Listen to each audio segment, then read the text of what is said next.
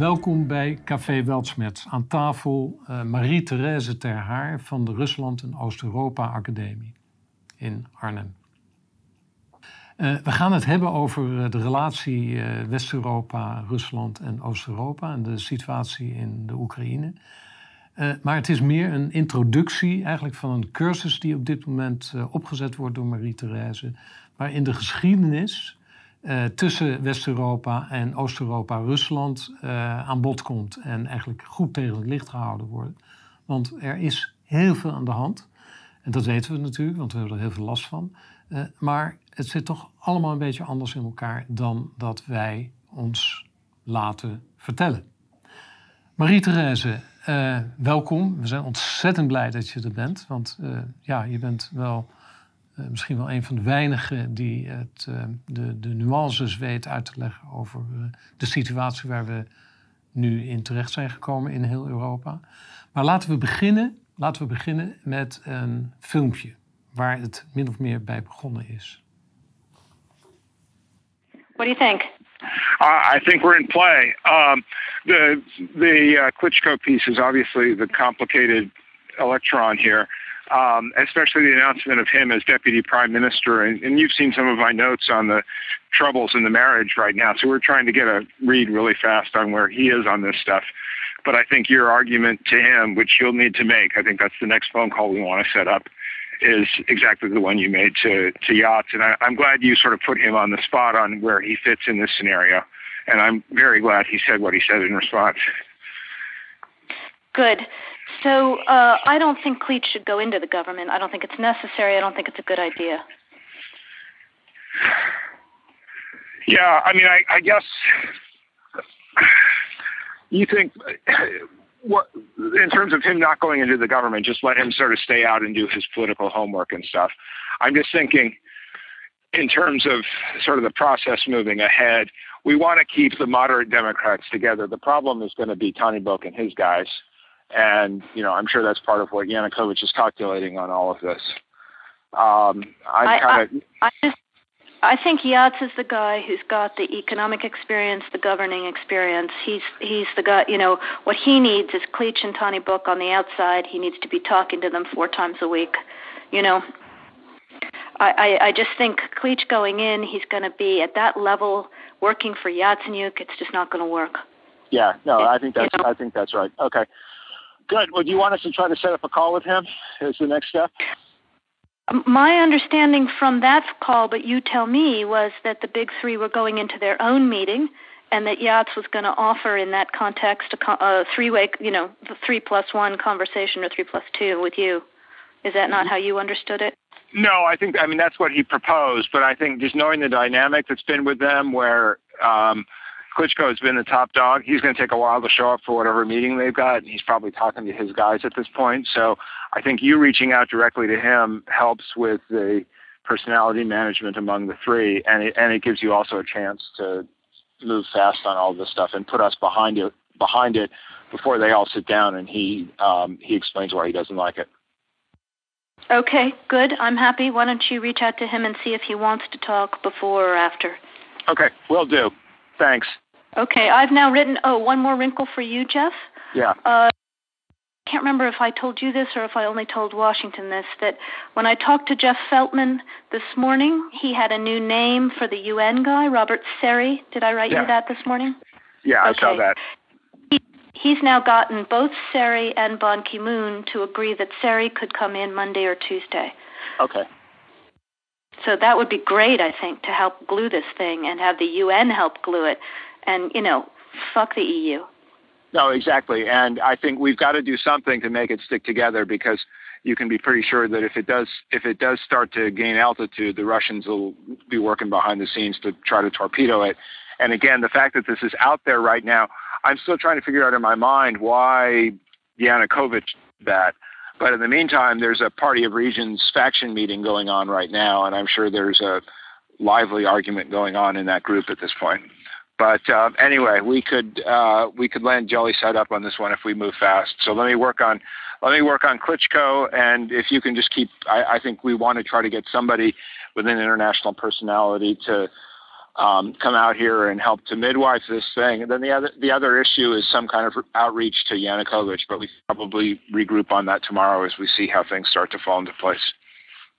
So on that piece, Jeff, uh, when I wrote the note, uh, Sullivan's come back to me uh, VFR saying you need Biden, and I said probably tomorrow for an attaboy and to get the deets to stick.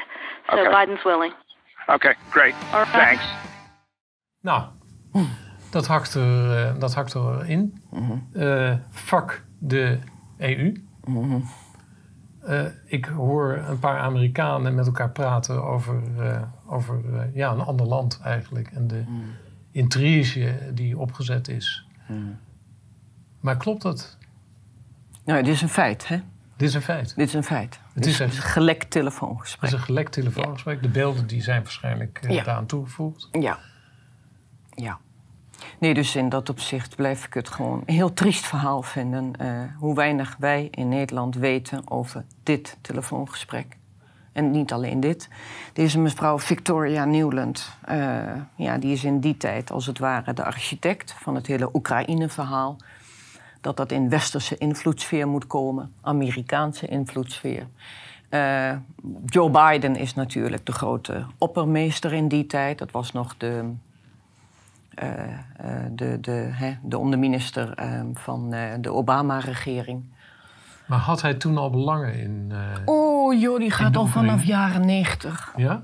En in Dus er zaten ook 2012... persoonlijke belangen bij Biden. Oef, dat is dat ja, het laptopverhaal. Hè? Ja.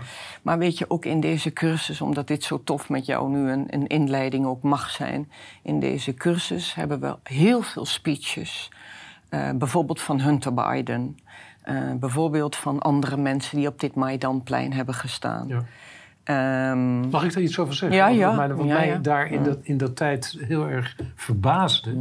dat was dat iets wat heel erg regionaal leek... Althans voor ons... dat dat zo'n zwaar politiek ehm, eh, gewicht ging krijgen... door de aanwezigheid van Timmermans... en door de aanwezigheid van Hans van Balen en Verhofstadt. Ja. Maar waar kwam dat dan vandaan? Nee, is, nou ja, dat, is, dat is, is en blijft het trieste verhaal. Dan moeten we hier een aparte lezing houden van in hoeverre is de Europese Unie soeverein? Of zijn wij echt, eh, ja, toch eh, marionetten in dit opzicht? Maar dat deze drie zich zo daar hebben laten Ja. zien, ik blijf het heel jammer vinden. En dat is, dat is in het, tot op de dag van vandaag, dat merk ik in het land. Want ik blijf me daarvoor inzetten. Er zijn heel veel gave Nederlanders, heel veel nieuwsgierige Nederlanders die op zoek gaan. Waar is het allemaal zo fout gegaan? Of is er een andere kant van het verhaal? En dan merk ik dat s'avonds. Maar dan hebben ze één, geen weet van, deze mevrouw Victoria Newland. Van dat dit eh, als het ware, nou ja, in gang is gezet. De Amerikaanse eh, aanwezigheid in Kiev. Niet een beetje, heel erg. Ze hebben geen weet van het hele NAVO-hoofdstuk. En ik weet geweldige Nederlanders, nogmaals ingelezen hier. Maar het grotendeel had geen tijd. Het grotendeel heeft gewoon ook geen, eh, geen interesse gehad. Maar dat maakt dat we vandaag de dag, 2022, zeven maanden na dit drama, dat we zo die propaganda over ons heen krijgen. Ja, En dat dat blijft plakken. ja. Ja, het, Is, het is bijna niet meer om doorheen te komen. Terwijl het cruciaal is voor ons in Europa om nu terug te gaan. Niet alleen naar 2014, wat is hier gebeurd. Max, ik was er zelf bij. Ik werkte er, ik woonde er. We hadden een eigen reisbureau, de academie zat daar. eh, eh, de zakenmensen kwamen, de studenten. En één is, bij dit begin, is John McCain. Ja. Rijdt aan en af naar Kiev. Hij belooft daar wapenleveranties. Dat zijn al de wapenhandelaar. En die komen in de cursus naar voren dat John McCain eh, dit al vertelt aan de Oekraïense mensen. Twee is Joe Biden, rijdt aan en af. Natuurlijk ook met zijn zoon eh, Hunter, dat verhaal later erbij. Dan krijgen we nog nou ja, Victoria Newland, die als het ware hier dus al bespreekt wie moet de nieuwe president zijn Ja. in ons land. Dan krijgen we nummer drie, de, eh, vier, nummer, de aanwezigheid van de NAVO. Hoeveel kopstukken zie ik vandaag de dag bij de BBC, uh, uh, bij de grote NAVO-raad, die maar weer op de oorlogsstroom gaan van we moeten nu uh, gaan dreigen. Ze zeggen wel dat Poetin alleen bluft of alleen die dreiging heeft, maar moet je eens kijken hoeveel dreigingen er van onze kant toen al waren. En zo heb ik nog een hele reeks, die hebben allemaal in 2014 daar nou ja, zeg maar, het doorgedrukt dat Oekraïne in de westerse Amerikaanse invloedssfeer moest komen. Ja, maar ik lees hier in deze tekst. Hmm. Kan je dat uitleggen? Wat ik hmm. hier lees? Ja. Want dit is separatie dus van de bevolking. kijk, uh, hier wordt een nieuwe president op de troon gezet. Dus dat is door dat jaar 2014. De Maidan-revolutie, zoals het bij ons in het Westen werd gepresenteerd ik kan niet anders dan toch steeds meer, hoe meer ik terugkijk, hoe meer ik gestudeerd, eh, hierover studie heb gemaakt. Het is een staatsgreep geweest. Ja. En daar wordt deze man op de troon gezet. Dus even los voordat ik naar deze woorden ga. Dat is als de Kiev-regering met deze man in handen van Amerikanen, als het ware, Oekraïne helemaal in de westerse sfeer wil trekken. En boven alles, ik ben voor een onafhankelijkheidsstrijd. Hè? Ik werk iedere dag met Oekraïners, dus ik weet te goed dat ook die mensen recht hebben op hun uh, onafhankelijkheid. Dat, dat, dat krijg ik mee. Alleen veel Oekraïners komen er nu achter dat ze gebruikt zijn. Helaas. Maar onafhankelijkheidsstreven is mooi. En dat je kritiek mag hebben op die grote broer is ook belangrijk. Daar moeten we ook voor openstaan. Maar het is gepusht. Weet je, die bevolking was zo geterroriseerd door de oligarchen. Die bevolking is zo gefrustreerd geweest door, de, door dit soort presidenten die heen en weer switchen. En natuurlijk het gemanipuleer van het Westen. Want het is heel makkelijk om mensen die uh, armoediger zijn, ook in de midden- en oostkant, of om wanhopiger te zijn, of om gefrustreerd te zijn met die corruptie in het land, dat je daar een mooie worst gaat voorhouden, à la Hans van Balen, of à la de Amerikanen, van jullie, als jullie maar in ons kamp komen, dan komt het goed. Ja? Maar als ik deze tekst lees, hè, dan zie ik ook dat er een duidelijk verschil is in de behandeling van bevolkingsgroepen. Ja, en daar zit het grote probleem. Laat ik ook gezegd hebben dat Oekraïne een ongelooflijk verdeeld land is. En dat daar niet alleen Oekraïners en Russen wonen, maar natuurlijk Letten en Wit-Russen en Polen en Roemenen en Moldaviërs en Transnistriërs en, en, en, en, en Joden. Ongelooflijke smeltkroes. Dus het is al heel moeilijk om dat land tot een eenheid te krijgen. Maar de oorsprong was natuurlijk uh, uh, uh, echt in de Russische invloedssfeer van de tsarentijd. Uit duizend jaar zijn Oekraïners met Russen verbonden. Ik vind het dramatisch wat er gebeurt. Dus dat maakt het des te erger dat deze man, op het moment dat hij aan de, aan de macht komt, belooft hij een stuk vrede tussen Oost-Oekraïners, West-Oekraïners en Midden-Oekraïners. Terwijl hij iets anders zegt. Maar kijk eens wat hij zegt tegen zijn eigen Oost-Oekraïners. Ja. Is hij zelf ook een Oost-Oekraïner? Hij komt in principe als oligarch oh, uit, die streek. uit die streek. Maar die oligarchen hadden connecties met grote rijke Amerikanen, grote rijke uh, Tony Blair komt in het spel. Even, even, ook, even ook terug, Russische om, kant. Om het goed te kunnen begrijpen. Uh, het feit dat het eigenlijk het land enorm verdeeld is, hebben natuurlijk wel een uh, haakjes onderling, maar het is een verdeeld land. Is dat dan ook niet ehm, de deur of de opening geweest van de Amerikanen om te kunnen infiltreren, hmm. om de zaak uit elkaar te spelen. Ja, maar het is natuurlijk al veel langer aan de gang. Hè? Al vanaf het uh, tweede, uh, 2004 met de eerste revolutie. En uh, dan, dan, gaan we weer heel diep in de geschiedenis. Dat komt uh, in de cursus uh, komt dat naar voren. Ja. ja. Het land is natuurlijk al in puinhoop. Net als Rusland in puinhoop was. Ja. In de jaren negentig. En dan moet het verder. En dan krijg je in Rusland in dit geval een sterke man die het land daar enigszins op de rails zet. Met alles wat je daar nog van kunt zeggen. Maar in Oekraïne blijft het puin op. Maar dat heeft er ook mee te maken, dus nogmaals, presidenten die niet weten welke kansen uit worden geslingerd, naar het westen of naar Rusland. Dan dat de, de, de corruptie, extreme corruptie. Dan de gefrustreerde bevolking. En dat is heel makkelijk om daar dan jouw plan te laten gelden. Wij willen Amerikanen, Oekraïne in de westerse invloedssfeer hebben. En dat is voor zo direct een belangrijke op terug te komen. Maar Max, wat er dus na die revolutie op Maidan gepleurt is 2014. Dat is dat je dan een maand na die tijd al iets hebt dat die Russen die op de Krim wonen, kunnen we ook nog weer van alles van zeggen, komt ook in de cursus naar voren. Die Russen, 2,5 miljoen, die willen dat niet op de Krim. Die, willen, die, die, die zijn traditioneel duizend jaar met Rusland verbonden. Ja. Of met Peter de Grote of met Catharina de Grote. Voelen zich Rus. Ja, dus die zeggen wij kunnen hier niet in mee. Nee. Ja, wij willen aansluiting. Ja. Goed, komt dus te sprake. Maar daar vindt dus nummer één plaats. Dat in het volk komt er steeds meer burgeroorlog. Maar de Krim zegt, voordat dat uit de hand loopt... wij willen dat niet, aansluiting. Dan krijg je nummer twee... is dat als de Krim is geannexeerd... willen die Oost-Oekraïners dat ook. Die zeggen van, wij voelen ons ook beter daarbij. We kunnen niet met een Amerikaanse. Kan ik me ook voorstellen als ik dit lees. Hè? Precies. En waar ik naartoe wil is dat wij in Nederland te weinig weten van die burgeroorlog. Ik herhaal het nog een keer: het is een burgeroorlog. Dus als wij een half jaar geleden die arme Oekraïners in Nederland zien aankomen, het jaar 2022, met kindjes, met, met, met, met onverrichte gezinnen. Ik zit er middenin. Ja. Tuurlijk dramatisch. Maar heb ik mij verbaasd dat het acht jaar daarvoor toen ik in Oekraïne zat, geen enkel beeld was in Nederland of in Amerika over hoeveel Oekraïners toen, Oost-Oekraïners vooral, zijn gevlucht naar de Russische grens. Ja, ja, ja. Ja? ja. Ook 2,5 miljoen en met 14.000 doden. Want dat zegt ja. deze man.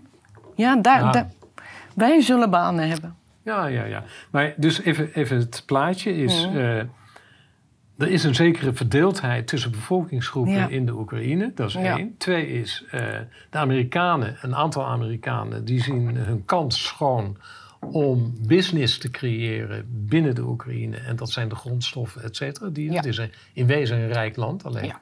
Het wordt nu geplunderd door een aantal Amerikanen. Mhm. Zo zou je het kunnen zien, denk ik. Mhm. Zeg ik dat goed? Mhm. Ja.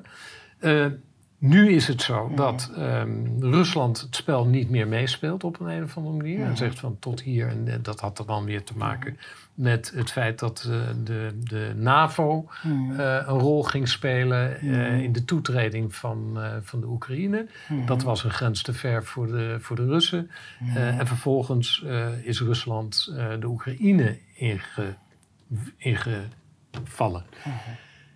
Wat ik nou denk, hè, dat is dat als ik naar de propaganda in Nederland kijk... we hebben hier natuurlijk ook de, de, de ambassadeur van Rusland gehad... maar als je nou naar de propaganda kijkt van onze regering... en van de Amerikanen en van Europa... dan zie je dat Rusland is eh, de kwaaie pier... want die hebben eh, Oekraïne eh, ingevallen. Nou, er wordt niet gesproken over de achtergrond daarvan, et cetera. En in wezen zou je kunnen zeggen, ja, dat klopt. Dan kan je, je kan weinig, ja, je kan er weinig tegen inbrengen dat de Russen inderdaad naar binnen zijn gevallen. Maar wat ik nu zie, en dat is ook, en ik hoop dat je daar ook een opmerking over kan maken. Wat ik nu zie is dat eh, het grotere plaatje en de context van alle politieke beslissingen en de gebeurtenissen, de wijze waarop Europa economisch ontwricht wordt, begin ik steeds meer te, de neiging te krijgen te geloven dat hier een spel wordt gespeeld. En daar helpt dat filmpje ook bij. Een spel wordt gespeeld tussen de Amerikanen en Brussel. En ik zeg dus echt Brussel. En ik zeg niet Europa, maar ik zeg echt Brussel. Een spel werd, wordt gespeeld. Een proxyoorlog wordt uitgevoerd tussen de Amerikanen en de Russen. En dat Brussel daarmee op een, een of andere manier akkoord gaat. Door, om wat voor reden, nou, dat, daar kan je over speculeren. Maar er wordt een gevecht uitgespeeld waar de Europeanen helemaal geen, in wezen helemaal niets mee te maken hebben. Dus het is een heel gecompliceerd spel wat er gespeeld wordt. Wat al heel lang is voorbereid, blijkbaar. En waar, wat eh, Europa in de afgrond duwt. Nou, dit is even van mijn kant in dit gesprek. Kan je daarop reageren? Ja, nee, maar je ziet het heel goed. Het is gewoon dramatisch. We zitten op zo'n gevaarlijk punt. Na, NAVO blijft hoofdprobleem.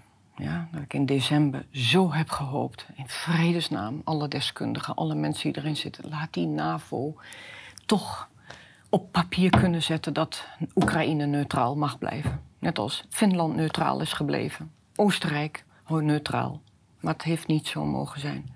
22 februari, 24 februari is dan die Russische inval. En net als jij heb ik er tot op de dag van vandaag hele grote problemen mee. Ik worstelde mee. Ik blijf zeggen, had het niet anders gekund. Ja.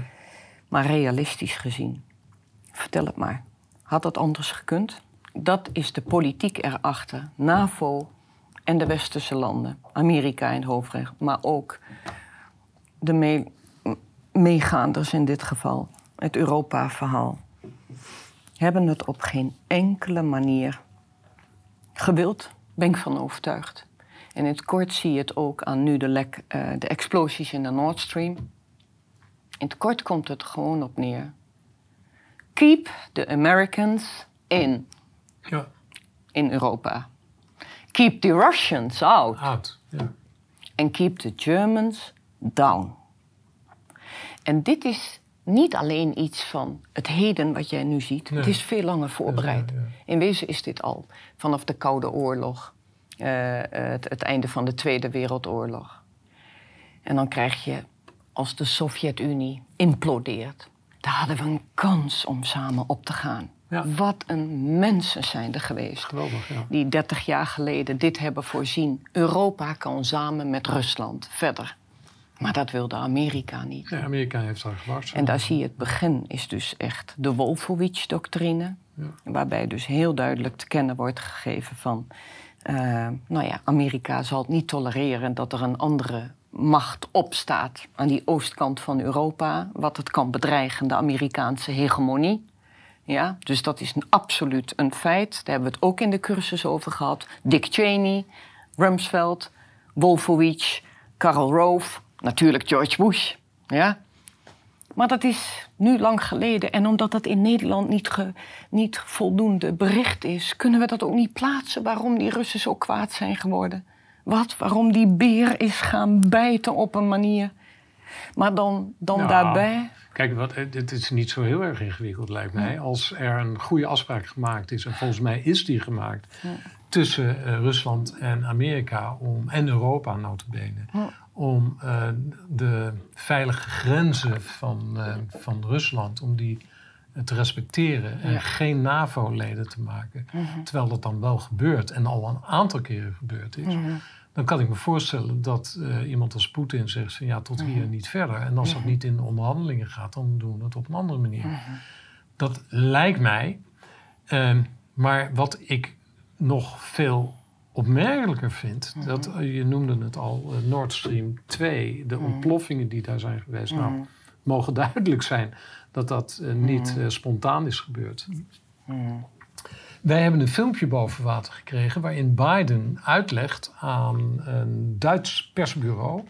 Reuters geloof ik dat het was, uh, waarin die zegt van wij accepteren die Nord Stream pijplijn niet. Mm. En waarbij de journalisten vraagt van hoe wil je dat stoppen? En toen zei hij van ja, daar hebben wij wel middelen voor. Nou wordt er aan alle kanten wordt die, uh, dat opblazen van die pijplijn wordt in de schoenen geschoven via de, de, de, de media uh, aan Rusland. Maar ja, als je goed gaat nadenken, waarom zou Rusland haar eigen pijpleiding ont laten ontploffen? Wie is, wie is nou de belanghebbende daarbij? Dat is Rusland in ieder geval niet. Ik bedoel, ze kunnen ook de kraan dichtdraaien en dan werkt het ook al niet meer. Dus om het definitief kapot te maken, of zeg maar semi-definitief kapot te maken, ja, dan kan ik me voorstellen dat de Amerikanen de enigen zijn die daar belang bij hebben. Dus ik begin te geloven dat wij, Europa, een probleem hebben met de Amerikanen. En niet zozeer met de Russen. En niet zozeer in de Oekraïne. Maar gewoon, wij hebben één op één ruzie. Zouden we ruzie moeten hebben met de Amerikanen. En wat daar dus in, in, in, in Brussel besproken, gebeurt, onderhandeld, et cetera. Ja, misschien moeten we daar ook wel ruzie mee maken. Nu jij. Ik wou dat we power hadden, maar hier zie je het al in. Ja, keep the Germans down. Dat is wat er gebeurt. Het grootste, Ja. rijkste land van Europa. En ze- maar ze doen eraan mee. Marie-Thérèse, Ja, ze doen ik, eraan ik, mee. ik zie toch in, onze, in ons bestand en alle zakenmensen waar we voor gewerkt hebben uit Duitsland en de agrarische bedrijven. En weet je, Duitsland was in het verleden al veel meer bewust in de 19e eeuw, in de 10e eeuw, in het heden, van dat je er veel meer baat bij hebt. Dat je met de Russen een goede verhouding moet Tuurlijk. hebben. Dat hebben de Duitsers in hun karakter, dat, dat, dat, dat Rijnlandse model. En Bismarck die zei het al. Ja? Focussen ook op Europa. En daarbij, waar kunnen wij met die grondstoffen van de Russen? Wat kunnen we ook, nou ja, met die duizendjarige samenwerking? Wat merk ik aan de Duitse zakenmensen, tot en met parlementariërs, tot en met jonge, leuke lui, hoe die al gefocust waren de afgelopen twintig jaar, goede verhouding hebben met Rusland. Ja. Ja? Het mocht niet zo zijn. Het mocht niet zo zijn. En even los van die minister Buitenlandse Zaken en Beerbok en wat hebben we allemaal, eh, de minister van Defensie en, en, en, en de groene agenda waarin ze mee moeten, wel of niet een onderwerp. Het is onbegrijpelijk, maar als je wist hoe die Duitsers op de kop staan, mensen die in ons bestand staan, met name de mensen die handel hebben gedreven, uitwisseling hadden of nogmaals een stukje ja, het drama wat daar in de Tweede Wereldoorlog is gebeurd. Dat ze samenwerking wilden. Wiedergutmachungsproject. Wat dan nu in Duitsland aan de gang is. En wezen, noem jij nu ook een mooi onderwerp, omdat ik dat even had meegenomen. Dat is hier. Het, is vandaag de dag een strijd om het Euraziatische continent. Ja. En wat is dan Eurazië? Dus, ik, ben, ik ben zoveel de afgelopen twintig jaar, met name de afgelopen tien jaar, bij conferenties geweest. In Chita, Ulan-Ude, in Ufa, in Beijing. Dat, dat zat gewoon in, in ons begeleidingswerk. Ja, de bedrijven. Bedrijven gingen ook deze kant uitkijken. Maar met name waren dat de Duitsers, de Russen, Kazachen, Chinezen, de Indiërs. En met name omdat Duitsland niet meer aanwezig is. In ieder geval niet meer in Rusland door de sancties, door de oorlog van afgelopen jaar. Zijn, is Duitsland uitgeschakeld. En denk ik, hoe kunnen de Duitsers zo in de pas lopen met de Amerikaanse regering die ogenschijnlijk niet wil dat Duitsland, dat wij in Europa nog die verhouding met Rusland oppakken. Maar ik, ik, heb een, ik, ik ga iets heel lelijks zeggen en Ja. mensen zullen me ervoor vervloeken. Mhm. Maar eh, de nazi's zijn in dat tijd gevlucht naar Amerika. En O- naar ook Zuid-Amerika. Alles speelt mee. Dus Alles doet mee, Max. Maar waar ik nu naartoe wil is... hier is de toekomst. Hier hebben we begeleidingswerk gedaan. Hier heb ik het de afgelopen jaren allemaal gesignaleerd. En of je nou het rijke China ziet, wat in opkomst is... tien jaar geleden nog lang niet... of het is India. Weet je, je krijgt de afgelopen jaren en het afgelopen half jaar... de informatie op, bij onze Jinek, bij onze talkshows, bij onze eh, N- NOS, bij onze boeken Stijn en de Wijk, wat hebben we allemaal? Alsof wij in Europa, ja, daarmee de hele wereld, Rusland, veroordeelt voor Ja. wat er nu gaande is. Maar wij zijn helemaal Het niet de hele wereld. Nee, wij zijn het kleine Europa, wat aan de heel leidraad moet lopen en Amerika. Maar ja. e- e- eerlijk, Max, als je nu ziet, ik wil er alleen mee zeggen. Wij, ik zit de hele nachten ook met China eh, ehm, nieuws, India nieuws, experts uit Rusland. Het is niet alleen propaganda daar. Je hebt geweldige Russen die hier ook proberen bij te sturen. Maar één ding kan ik wel zeggen. Ze hebben allemaal de krachten gebundeld. Dat wordt niet gezegd, want er wordt nog gezegd dat China diplomatiek is Ja. en India. Maar het gaat zo hard met de ASEAN-landen.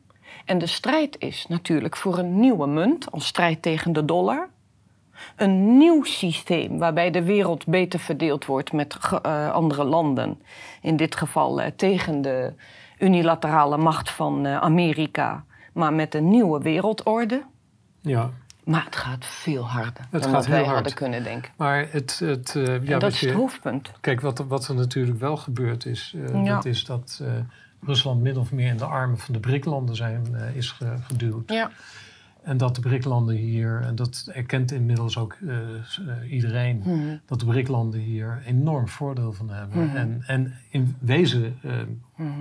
ja, zeg maar, de, de, de rol Ja. van eh, Europa gaan overnemen. En van de, wellicht ook van Amerika. Ja, en dat gaat heel hard. En reken maar dat China Ja. echt niet, die, die gaat altijd voor de winnende partij, wat dat betreft. En Oekraïne was dus op dat Eurasische continent. Daar kun je naartoe kun je lopen van Beijing Ja, naar Lissabon. Dan zie je dat Oekraïne daartussen ligt. En als we dit met goede politici hadden begrepen, wat, wat, wat, wat een kansen hadden we gehad. Ja. Samen met Rusland optrekken, met Oekraïne. Niet dat land een keuze moeten laten maken of met inmenging. Het is diep tragisch hoe dit ja we zitten in een... de hand eh, is gelopen. Maar ik wil nu even, even terug naar eh, het, het doel waarom we hier bij elkaar Mm. zitten. Wij willen, eh, Mm. Jij gaat, een, of jij bent bezig, een, een cursus te ontwikkelen. Mm. Tussen de zes en de acht delen wordt het. Mm. Die, komt, die ga je hier doen, hè? Dat wordt heel leuk, want we hebben een, binnenkort een nieuwe studio... waar we op een hele nieuwe manier kunnen werken. En dan hoop ik dat het klaar is, dat het daar ook gebeurt. Eh, wat is het doel en hoe gaat het eruit zien? Nou, ik blijf hopen op, eh, dat hier nog iets te redden valt. Wat er te redden valt. Als doel? Ja. Ja, oké. Dus dat betekent mensen voor het verhaal vertellen. Daar komt het op. Ja, Waarom heet het een cursus? het is natuurlijk maar vanaf één kant gezien. Maar als westerse vrouw, hoe het was voor mij om met Slavische mensen te leven. Ja, Oekraïners en Russen. Dus dat is één, dat je nog gewoon hoopt. Wat is hier nog te redden met Europa en Rusland? En twee is natuurlijk dat ik hoop dat Oekraïners en Russen ooit, ja, ook daarin gezamenlijk in dat Europese blok horen. Dus de bedoeling is bewustwording in de hoop dat dat uiteindelijk effect heeft Mm. ook op alle handelingen en Ja. beleidsontwikkelingen. Ja. Oké, dat is één. Dan, eh, hoe, ga je het, eh, hoe ga je het vormgeven? Hoe ga je het eh, segmenteren, de cursus? Nou, in Vogelvlucht is het eh, deel 1 en 2. ehm, wat wij met Russen en Oekraïners gemeen hebben en waar we verschillen. En dat kan zijn met zaken doen, dat kan zijn met, eh, nou ja, als ik vandaag met Oekraïners werk, ja, dan merk ik gewoon hoe makkelijk zij, ehm, ja, of hoe moeilijk het voor hen is middenklasse denken en hoe makkelijk dat voor ons is. Hoe moeilijk het voor hen is om democratie toe, toe te passen en hoe normaal dat voor ons is. Ja? En dat is niet alleen Oekraïners, maar dat hebben Russen ook. Dus in dat opzicht bedoel ik meer het Slavische volk. Maar dat doe ik in de geschiedenis. In de geschiedenis. Over de duizend Ja, jaar. Ja, over duizend jaar. Dus duizend jaar geschiedenis. Ja. En, Maar en deel de 2, rela- ik, kan daar nu niet te lang over blijven hangen. Dat zou voor een, menig mensen iets zijn van om af te haken. Dus ik vlieg daar doorheen, waardoor deel 2 en 3 en 4 is Tweede Wereldoorlog. Maar ook, ehm, ja, dan gaan we inzoomen op de jaren 90. Waar zijn Oekraïners en Russen uit elkaar gedreven? En waarin hebben wij eh, dat niet helemaal gevolgd? Ja. Ja, dus de grote achtergrond van de afgelopen twintig jaar tussen het Europa, Oekraïne en Rusland. En uiteraard deel 4 en 5 gaan over het Maidan. De speeches waarvan we er nu één hebben laten Ja. zien. Maar dan komt Joe Biden in het parlement en met de NAVO-kopstukken en het doorduwen van de Amerikaanse politiek in, op het Maidanplein. Nou ja, en deel 6 en 7 gaan over de berichtgeving van de westerse wereld. Dat het niet alleen Russische propaganda is. Maar ik heb nog nooit in Nederland zoiets meegemaakt alsof ik iedere minuut word. eh, eh, hè, mo- moet ik als het ware die, die, die eenzijdige westerse kant aanhoren? Ja, het is verschrikkelijk. Het is ongelooflijk. Het is verschrikkelijk. Ik En- ben het helemaal met je eens. Ja. Dat Eh, ja. Nou ja, het is een mooi, mooi initiatief. Eh, eh, mensen kunnen zich aanmelden, daar ga ik vanuit. Hè. En eh, rechtstreeks bij jou, lijkt mij, toch? Ik denk dat het bij jullie is. Ligt dat bij Maar ons? waarschijnlijk zullen we dat nog eventjes... eh, Oké, dat zetten we dan onder de video hoe je je kan aanmelden. Mhm. Ehm, wanneer gaat het, gaat het spelen? Waarschijnlijk over twee of over drie weken. Over twee of drie Ja. Dan zitten we nog niet in onze nieuwe ruimte. Dus, maar in ieder geval, hartelijk dank. Hartelijk dank voor jullie, eh, voor het kijken. En uh, tot gauw.